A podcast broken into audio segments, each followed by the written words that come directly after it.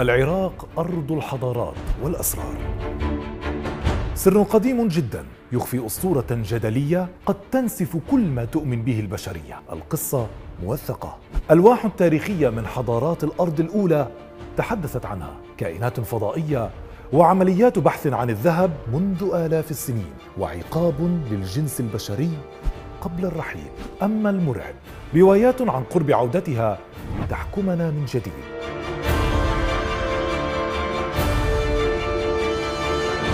أسطورة الأنوناكي الغامضة. تناولنا في حلقات سابقة أساطير عدة تتحدث عن زيارة الكائنات الفضائية لكوكب الأرض ووهب البشرية في الحضارات القديمة علوما متطورة ومتقدمة للغاية. ما زالت إلى يومنا هذا تشكل لغزا يحاول الباحثون والعلماء فهمه. مثل كيف بنى الفراعنة الأهرامات العظيمة بأسرارها اللامتناهية بأدوات وعلوم بدائية. ما سر النقوش الغريبة كالصحون الطائرة والحقائب الحديثة والحواسيب على آثار الحضارات المتعددة والعديد العديد من الأسئلة التي لا جواب لها. واليوم أخذتنا رحلة البحث إلى العراق الحبيب مهد الحضارة السومرية العريقة التي تخفي سرا عمره آلاف السنين. قد ينسف كل ما تؤمن به البشرية. سر قررت أن أسلط الضوء عليه بسبب الضجة الكبيرة التي أثيرت حوله. وليس من باب تبني جوانبه وتفاصيله إذ أقل ما يمكن وصف هذا السر به هو أنه خطير. أسطورة الأنوناكي وعلاقتهم بالجنس البشري. إذا لنغص في هذه الأسطورة ولا تنسوا أصدقائي أن تشتركوا في قنواتنا الرسمية وتفعلوا جرس التنبيه وتتابعوني على حساباتي الشخصية في إنستغرام وفيسبوك. الحضارة السومرية من أقدم الحضارات التي شهدتها البشرية. كل ما نعرفه عنها هو أنها من أكثر الحضارات تطورا وتقدما إذ كانوا على إلمام بمختلف العلوم وبالموسيقى وبالفن وأرسوا نظم الري الحديثة وابتكروا القوارب والعجلات وغيرها من الأمور حتى أنهم تحدثوا أول لغة محكية وتركوا أولى الآثار المكتوبة. عادت هذه الحضارة إلى الواجهة من جديد لا بسبب ما سبق وذكرته وإنما بسبب سر قديم وجد منقوشا على ألواح طينية.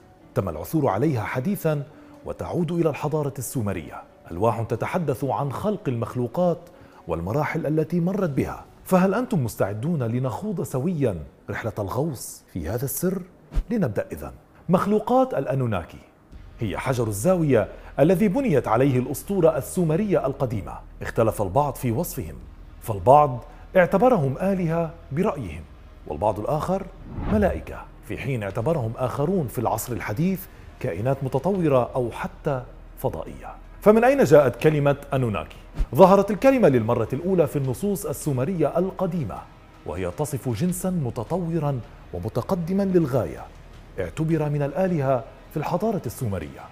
هناك اختلاف وجدل كبيرين حول معنى كلمة أنوناكي المذكورة في الحضارة السومرية. ففي حين يعتبر البعض أنها تعني القادمون من السماء يعتبر البعض الآخر أنها تعني ذوي الدم الملكي. وهذا ليس محض صدفة فالمعنى الذي تكتسبه الكلمة يعكس حقيقتهم التي ما زالت محط جدل أيضا. فالبعض يعتبرهم كائنات فضائية قادمة من مجرة أو كوكب آخر. في حين يعتبرهم البعض الآخر مجرد مخلوقات أرضية متقدمة عينوا ملوكا على الشعوب. الأنوناكي بحسب الكتابات القديمة هم من نسل الإله آن إله السماء والآلهة كي آلهة الأرض والمجموعة الأساسية منهم تضم سبعة آلهة وهم إنليل إنكي نينهورساج نانا أوتو وإنانا. هناك قصة قديمة مختصرة تدور حول هذه الشخصيات السبعة. طبعا كل ما نذكره في هذه الحلقة من روايات وأساطير. هو لتسليط الضوء على معتقدات الحضارات القديمة فقط. ومن باب المعرفة والثقافة التي هي من حق كل مشاهد وليس لتبني صحتها. اذا تقول القصة أنهم كانوا قضاة يحكمون السماوات والأرض. وعندما تمردت إنانا وقررت الاستيلاء على العالم السفلي قرر القضاة محاكمتها بتهمة الانقلاب على النظام. وكعقاب لها كان مصيرها الموت. قائمة نسل الإله آن بحسب الكتب القديمة كما ذكرت هي الوحيدة التي بقي أثرها منذ عهد الحضارة السومرية. لهذا لا يمكن تحديد عدد الأنوناكي أو نسل الإله آن بشكل دقيق كما أنه لا يمكن تحديد وظائفهم بشكل مفصل لانعدام الوثائق التاريخية التي تتناول هذا الموضوع. ولكن يقال أن مهمة الأنوناكي كانت تحديد مصير الجنس البشري كما أن كل ما يعرف عن الأنوناكي هو أنهم جنس متطور للغاية عمالقة وذوي قدرات خارقة. ولكن أغرب ما جاء في هذه الأساطير والذي شغل الجميع فهي أنهم هم من خلقوا الجنس البشري والعياذ بالله. نعم الأساطير تقول أنهم هم من خلقونا من خلال دمج حمضهم النووي والطين. كان الأنوناكي في الحضارة السومرية يرتبطون ارتباطا وثيقا بالأجرام السماوية إذ كانت تمثل النجوم في السماء الاستوائية الإله آن.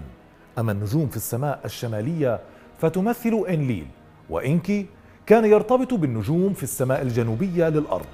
بالمقابل كانت إنانا تعتبر على أنها كوكب الزهرة وأوتو الشمس في حين كانت نانا القمر.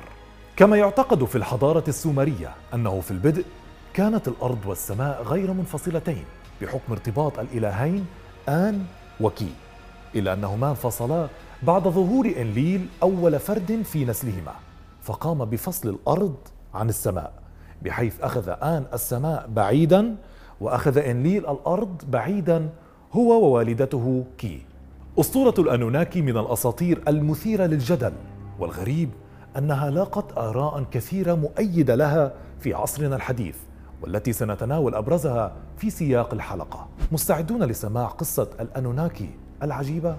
قبل أن نبدأ أذكركم أصدقائي أنني أطرح هذه الأسطورة من باب الفضول الكبير الذي أثير حولها لا من باب تبني جوانبها وتفاصيلها. القصة تعود إلى حوالي العام 500 ألف أو 400 ألف قبل الميلاد. تختلف السنة باختلاف المصادر. حينها زار الأرض مخلوقات متطورة للغاية. بمفهومنا اليوم هم كائنات فضائية. وقد جاءت هذه الكائنات من كوكب يدعى نيبيرو. نعم ما سمعتموه صحيح. الكوكب يدعى نيبيرو الكوكب المدمر الذي سمعنا عنه على مر السنوات الماضية والذي كان يهدد وجودنا على الأرض. فقد ذكر في حضارة المايا على أنه هو من سيدمر الأرض بعد اصطدامه بها. وعندما لم تتحقق نبوءة حضارة المايا عاد إلى الواجهة هذا العام في 2020 بعد كل الكوارث التي تشهدها البشرية وما زالت انطلاقا من فكرة أننا سنشهد هذا العام نهاية العالم بعد اقتراب نيبيرو من الأرض وارتطامه بها. مع العلم أن هذا الأمر لا يعلمه سوى الله سبحانه وتعالى. لنتابع. رحلة الأنوناكي إلى الأرض كانت لتحقيق مهمة في غاية الأهمية. تعتبر مسألة حياة أو موت. جمع أكبر قدر ممكن من المعادن الثمينة ولا سيما الذهب. لماذا؟ لترميم غلاف كوكبهم الجوي الذي بات ضعيفا ومتضررا. ما سيؤثر على الحياة فيه لتصبح مع الوقت إن لم يرمم؟ مستحيله بحسب الأسطورة لم يأتي الانوناكي بمفردهم إلى الأرض بل جلبوا معهم جنسا أقل شانا يدعى إيجيجي. لأن مكانة الانوناكي كمخلوقات متطورة كانت تعني ألا يقوموا بالأعمال الشاقة بأيديهم. لذلك احتاجوا إلى ما هو شبيه بالعمال أو العبيد ليقوموا بعمليات البحث عن الذهب. فقاموا بإنشاء المناجم والمستعمرات وبحسب الأسطورة السومرية تم ذكر مركزين الأول في جنوب إفريقيا والثاني في مكان ما في الخليج. ولكن لم يتم تحديد أي خليج بالضبط. آنذاك لم يسكن الأرض سوى الحيوانات البرية ورجال الكهف البدائيين بحسب الحضارة السومرية. مرت السنوات سريعا. إلى أن جاء اليوم الذي قرر فيه شعب الإيجيجي التمرد على الأنوناكي رفضا للظروف التي يعملون في ظلها وللعبودية التي فرضت عليهم. اعتقد الإيجيجي آنذاك أن بمقدورهم التغلب على الأنوناكي. هل هذا صحيح؟ ابدا. فقد هزموا شر هزيمة. الصراع انتهى بين الطرفين وعلى الرغم من انتصار الأنوناكي إلا أنهم تكبدوا خسارة كبيرة بدورهم. خسروا اليد العاملة التي كانت تؤمن لهم الذهب. فهل هذا يعني أنه بات عليهم العمل بأنفسهم لإكمال المهمة؟ لا. هنا تشير الأسطورة إلى أن الإله آن طلب من ابنة إنكي خلق جنس جديد من الكائنات لخدمتهم على شرط أن يكونوا أكثر تطورا من الإيجيجي بعد محاولات عدة نجح إنكي في خلق البشر وقد استقروا في منطقة تدعى عدن. نعم. الجنة التي ذكرت في الكتب الدينية سمي الإنسان الأول على الأرض بحسب الأسطورة أدامو أي آدم باللغة المفهومة في عصرنا اليوم تشابه لا يصدق بين الأسطورة السومرية والأحداث التي وثقت في النصوص الدينية أليس كذلك؟ بعدما ذكرته هل هذه الأسطورة صحيحة أم محرفة عما جاء فعليا في الحضارة السومرية؟ لا أحد يعلم إلا أنه في العام 1849 عثر باحث وعالم بريطاني يدعى أوستن هنري لايارد على ألواح طينية تعود إلى الحضارة السومرية في موقع أثري في نينوى العراق. المثير للاهتمام أن هذه الألواح التي يبلغ عددها 14 لوح جاءت على ذكر أسطورة الأنوناكي التي ذكرناها ووثقت أحداثا مفصلية قديمة ذكرت في العديد من الديانات. أبرزها قصة خلق البشر والخروج من جنة عدن والطوفان العظيم. بحسب الرواية السومرية القديمة بعد خلق الجنس البشري باتت متطلبات العمل أكبر وأضخم وبات الأنوناكي بحاجة إلى استخراج كميات أكبر من الذهب لترميم غلاف كوكبهم الجوي ما استدعى يدا عاملة أكبر. ولكن هذا الأمر شكل مشقة كبيرة لأنكي لأن البشر آنذاك لم يتمكنوا من التكاثر.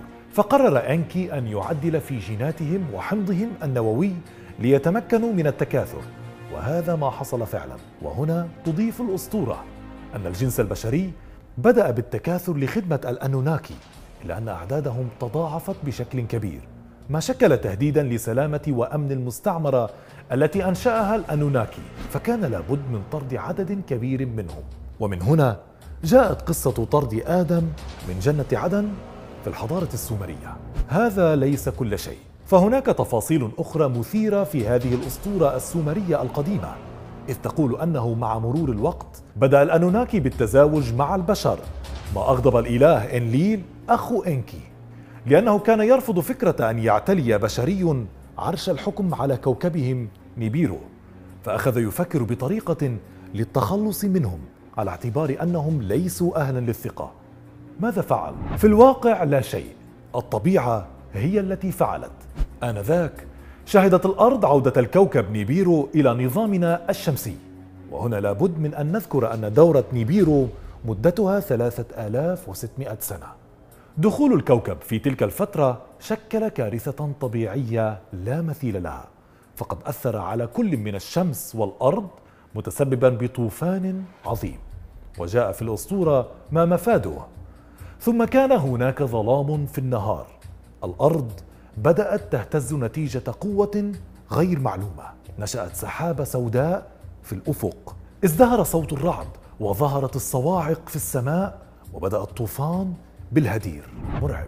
حينها قرر إنليل العودة إلى نيبيرو إلا أن بعض الأنوناكي رفضوا ذلك وقرروا البقاء على الأرض. من بينهم الإله إنكي وقاموا بمشاهدة الطوفان من مركباتهم السماوية التي كانت تحلق فوق الأرض. أشفق إنكي على خلقه بحسب الأسطورة فقرر أن يطلب من مجموعة مختارة بناء قوارب للنجاة. فكانت قصة النبي نوح عليه السلام التي نعرفها نحن اليوم. وهنا لابد من ذكر تفصيل صغير وهو أنه نتيجة الطوفان العظيم غرقت مستعمرات الأنوناكي ما يعتبره البعض سببا في ندرة الوثائق والآثار التي تعود لزمانهم وحضارتهم. انتظروا هذا ليس كل شيء. فبعد انتهاء الطوفان العظيم أعاد الأنوناكي بناء الأرض ووهبوا البشرية الحضارة السومرية المتطورة قبل أن يعودوا إلى كوكبهم نيبيرو. ولكن قبل أن يرحلوا قرروا أن يتلاعبوا بجينات بعض الفئات البشرية بهدف تنصيبهم كملوك على باقي البشر وذلك لكي يتمكنوا من خلالهم من التحكم بالجنس حتى في ظل غيابهم عن الأرض. هذا الأمر خلق ما نعرفه اليوم بالعرق الملكي أو ذوي الدم الملكي ما عزز الطبقية المجتمعية الحديثة. والمثير للاهتمام أنه بحسب الأسطورة سيعود الأنوناكي من جديد إلى الأرض ليحكم الشعب الذي برأي تلك الأساطير هم خلقوه. هذه الأسطورة لاقت تاييدا من قبل شريحة واسعة من الناس أبرزهم الكاتب زكريا سيتشين. الذي طرح هذه الأسطورة في كتابه الكوكب الثاني عشر. إذ يؤمن بأننا نحمل في أجسامنا حمض الأنوناكي النووي وأن الحضارة لم تبدأ على وجه الأرض إلا بعد وصول الأنوناكي إليها منذ آلاف السنين بهدف البحث عن الذهب. وقد لفت زيتشين إلى أن الأنوناكي كانوا يستخدمون الصوت كمصدر للطاقة. الملفت أن كتب زيتشين لاقت رواجا كبيرا وتم ترجمتها إلى أكثر من عشرين لغة. مع العلم أنه درس الاقتصاد في جامعة لندن وليس علم الآثار والحضارات القديمة. ومع ذلك تطرق في كتاباته إلى أصل الأرض وأصول الإنسان الفضائية التي نشرت على موقعه الإلكتروني. قد يتساءل البعض ما سبب الرواج الكبير لنظرية زيتشين أو قبول شريحة كبيرة من الناس بها. السبب هو لأنها باعتبار البعض تجيب عن أسئلة محورية حيرت الإنسان طوال السنين وما زالت. والأسئلة هي لماذا خلقنا؟ ومن أين أتينا؟ فبنظر هذه الشريحة الديانات لا تملك جوابا شافيا لهذه الأسئلة. بالمقابل نجد آراء معارضة لما طرحه زيتشين أبرزها تلك التي تعود للدكتور مايكل هيزر المتخصص باللغات السامية والعبرية الذي اعتبر أن ما طرحه زيتشين يتعارض مع ما نعرفه عن نظامنا الشمسي والأجرام السماوية وأن كل ما قاله يعتمد على اجتهاد شخصي. يقر الدكتور هيزر أن كلمة أنوناكي موجودة في الحضارة السومرية والأدب السومري إلا أنه لا يوجد أي شيء يربط بينها وبين كوكب يدعى نيبيرو أو كوكب ثاني عشر كما يدعي زيتشين. بالنهاية. ستبقى أسطورة الأنوناكي قائمة لا سيما وأنها لم تطرح فقط في الحضارة السومرية بل نجد لهذه الكلمة وجودا في الحضارات التي تلت السومرية مثل الأكادية والآشورية والبابلية مع اختلاف في التفاصيل. والأكيد هو أن الأرض غنية بحضارات متنوعة ومليئة بأساطير مثيرة للاهتمام لا تعد ولا تحصى. ولكن الحد الفاصل هو ما نؤمن به أصدقائي وما نبقيه في خانة القصص والروايات. ويبقى اللغز الأكبر. هل هناك حياة أخرى على كوكب آخر في هذا الفضاء الفسيح؟ وهل حقا زارتنا كائنات فضائية فيما مضى؟ هذه أسطورة الأنوناكي. والله وحده يعلم أسرار الحضارات القديمة وأصل رواياتهم. أنتظروا آراءكم في التعليقات. ولا تنسوا أن تشاركوا الفيديو مع أصدقائكم وتشتركوا معي في هذه القناة.